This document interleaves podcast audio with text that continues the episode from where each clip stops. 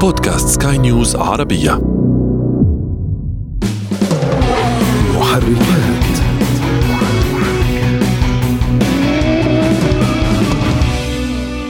تتابعون معنا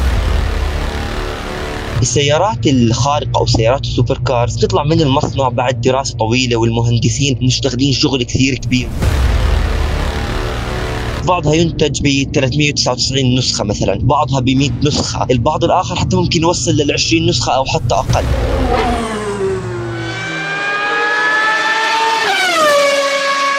قد يظن البعض أن المركبات الرياضية الخارقة خارقة فعلا. لكن واقعيا هناك مركبات عادية لكنها معدلة وتتخطاها بالسرعة.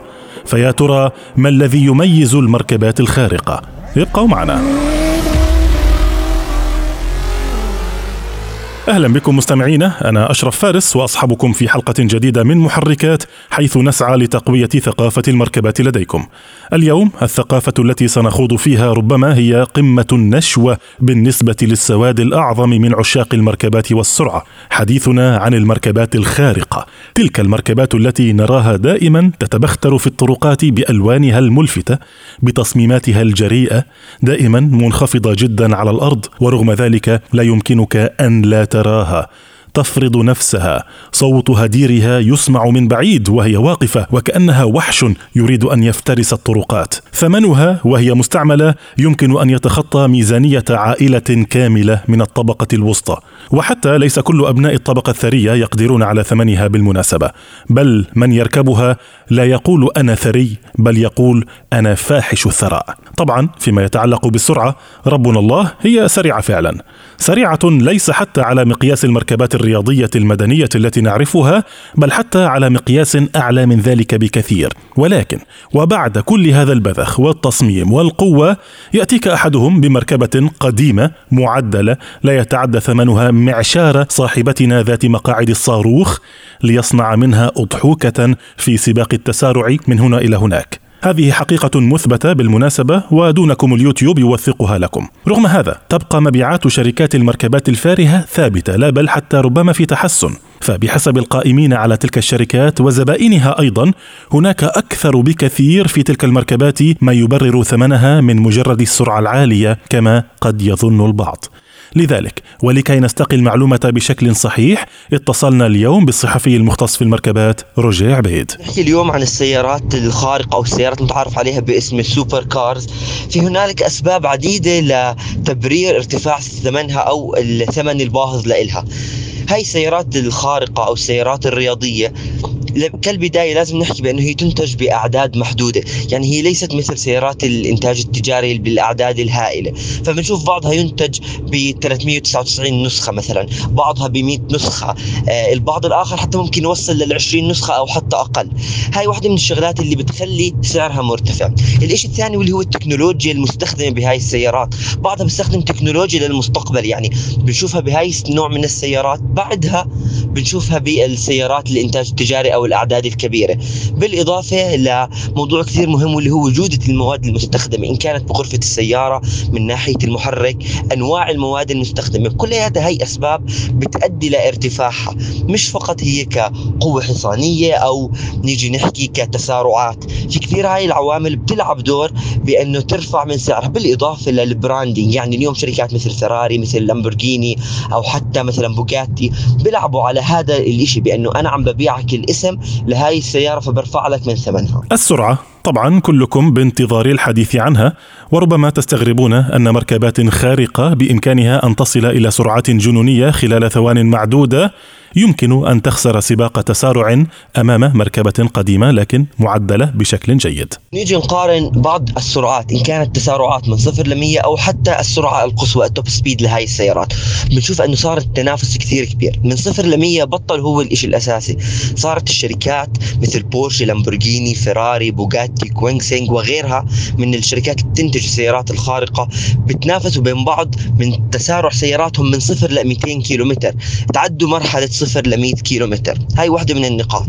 آه كمان إذا إجينا قارناهم بسيارات معدلة أكيد ممكن يكون هون من صفر ل 100 في تقارب أن السيارات المعدلة بشكل صحيح وبشكل كامل آه ممكن يكون تسارعاتهم بحدود عالم الثلاث ثواني وبعضهم ممكن ينزل عن الثلاث ثواني. أما بالنسبة للسرعة القصوى فهون الموضوع مختلف. السيارات الخارقة أو ال super cars أو ال hyper cars لهم التفوق بشكل كثير كبير. لأنه زمان كنا نشوف السيارات ال super cars تتنافس بين بعضها أنه توصل سرعة ال 300 كيلو متر عم نحكي عن فترة زمنية آه، قديمة جدا. بعدين صاروا يتنافسوا بعالم ال 300 وحاليا عم نشوفهم بتنافسوا بعالم ال 400 كيلو متر سيارات بوجاتي الفيرون والشيرون والشيرون سبورت كلهم بعالم ال 400 كيلو متر للساعة كسرعة قصوى. آه، سيارات أخرى مثل كوينيجسيج سيارات مختلفة صارت تدخل عالم ال 400 كيلو متر هون التفوق راح يضل أنا بالنسبة لي دائما للسيارات اللي بتطلع من المصنع بقوة خارقة جدا. حسنا ليس المعيار الوحيد في أداء المركبة هو السرعة. التحكم يلعب دورا هنا سواء في المدينة أم في الحلبات فنحن في النهاية نتحدث عن مركبة مدنية لكنها ذات استخدامات غير مدنية فعليا. أشكرك على هذا السؤال لأنه هذا سؤال جدا مهم ونقطة كثير حساسة. هي التحكم مقارنة مع السيارات المعدلة. السيارات المعدلة إذا كان تعديلها صحيح أول شيء التعديل راح يكون مكلف ولازم يكون التعديل بالتحكم أو ال handling تبع السيارة، يعني اليوم ما بصير بس أنا أقوي محرك السيارة أو أضيف شاحن توربيني أو supercharger لأرفع قوة حصانية وعزم دوران. لازم يكون في موضوع جدا مهم واللي هو تعديل أنظمة التعليق بالسيارة. السيارات الخارقة أو سيارات ال super cars هي بتطلع من المصنع بعد دراسة طويلة والمهندسين مشتغلين شغل كثير كبير وأبحاث وتطوير. مصممين السيارة كلياتها من أنظمة تعليق من محرك لحتى تكون كلياتها يعني ممكن نيجي نحكيها آه، متناسبة مع بعضها البعض.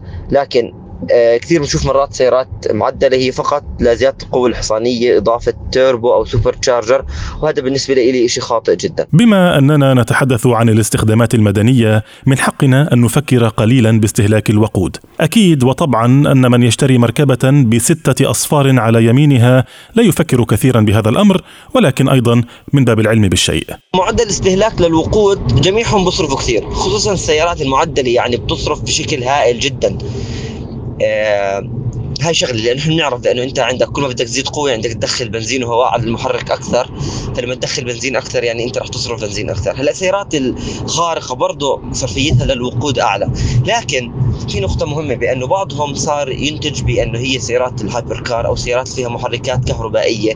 نوعا ما ما راح أحكي أنه هاي سيارات سيارات اقتصادية أو سيارات بتصرف بنزين أقل لكن ممكن نقارنها بالسيارات الخارقة اللي أنتجت بالثمانينات والتسعينات. نوعا ما أكيد صرفية الوقود فيها أفضل وصارت أقل. وحاليا عم نشوفهم بتوجهوا حتى سيارات خارقة كهربائية بالكامل لكن موضوع استهلاك الوقود هو أنا برأيي الشخصي آخر شيء يمكن التكلم عنه عند الحديث عن هذا النوع من السيارات.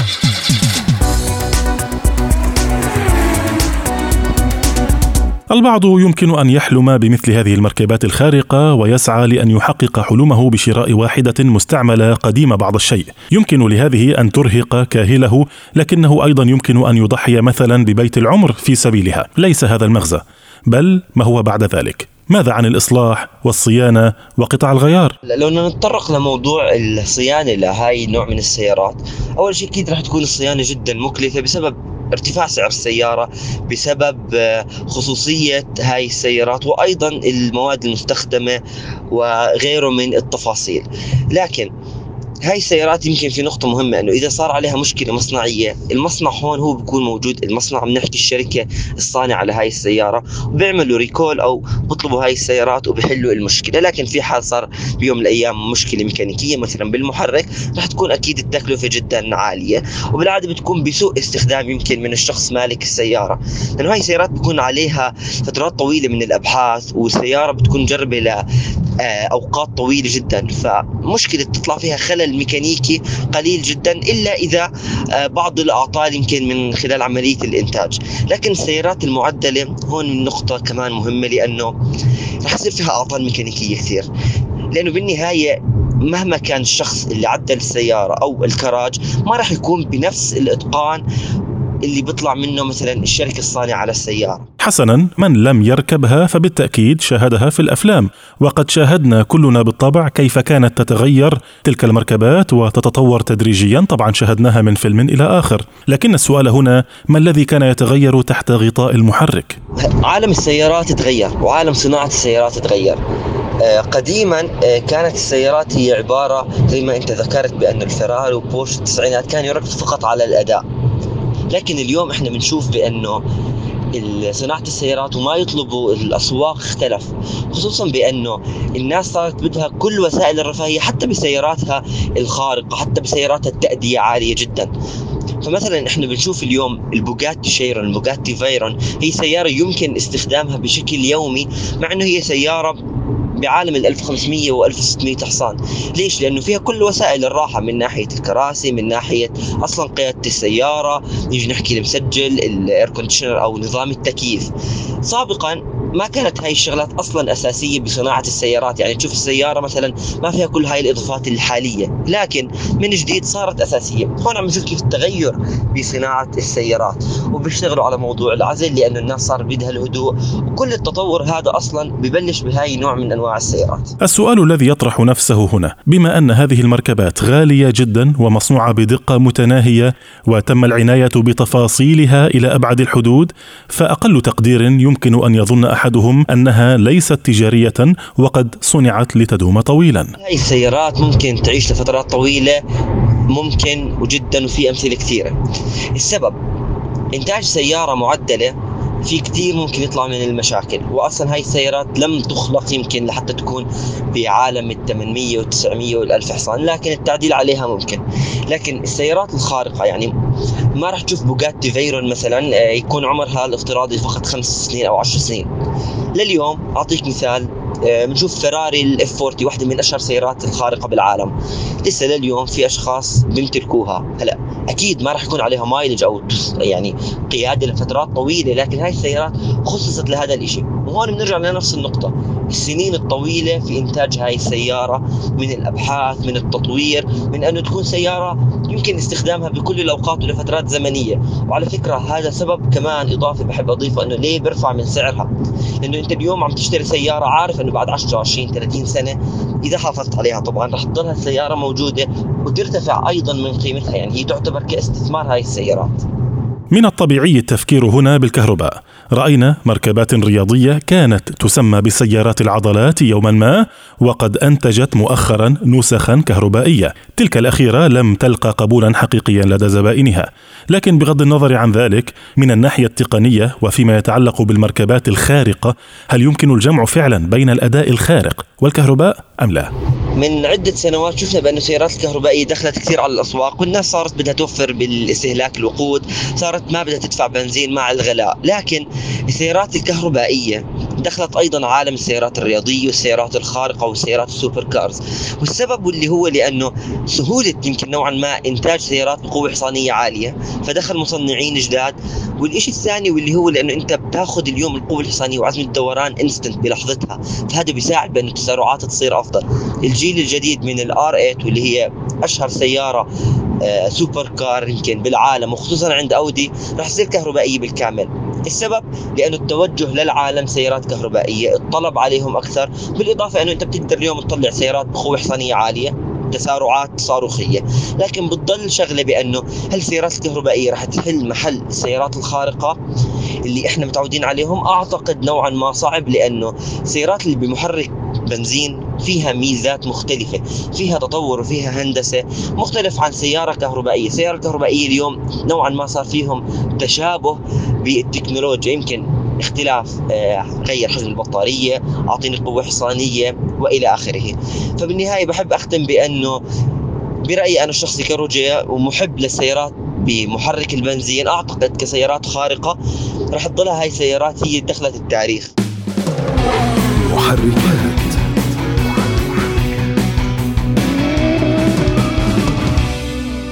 عند هذه النقطة نصل إلى ختام هذه الحلقة. مستمعينا يتوجب هنا أن نذكركم أن الطرقات العامة ليست مكانا مناسبا أبدا للسرعة. هناك أماكن وحلبات مخصصة لذلك في كل بلد بإمكانكم إفراغ طاقاتكم فيها وتجربة مركباتكم كما تحبون. نشكر ضيفنا لهذه الحلقة. كان معنا الصحفي المختص في المركبات روجيه عبيد. صحبتكم إعدادا وتقديما. محدثكم أنا أشرف فارس. وكان معي في الإخراج الفني إيدي طبيب.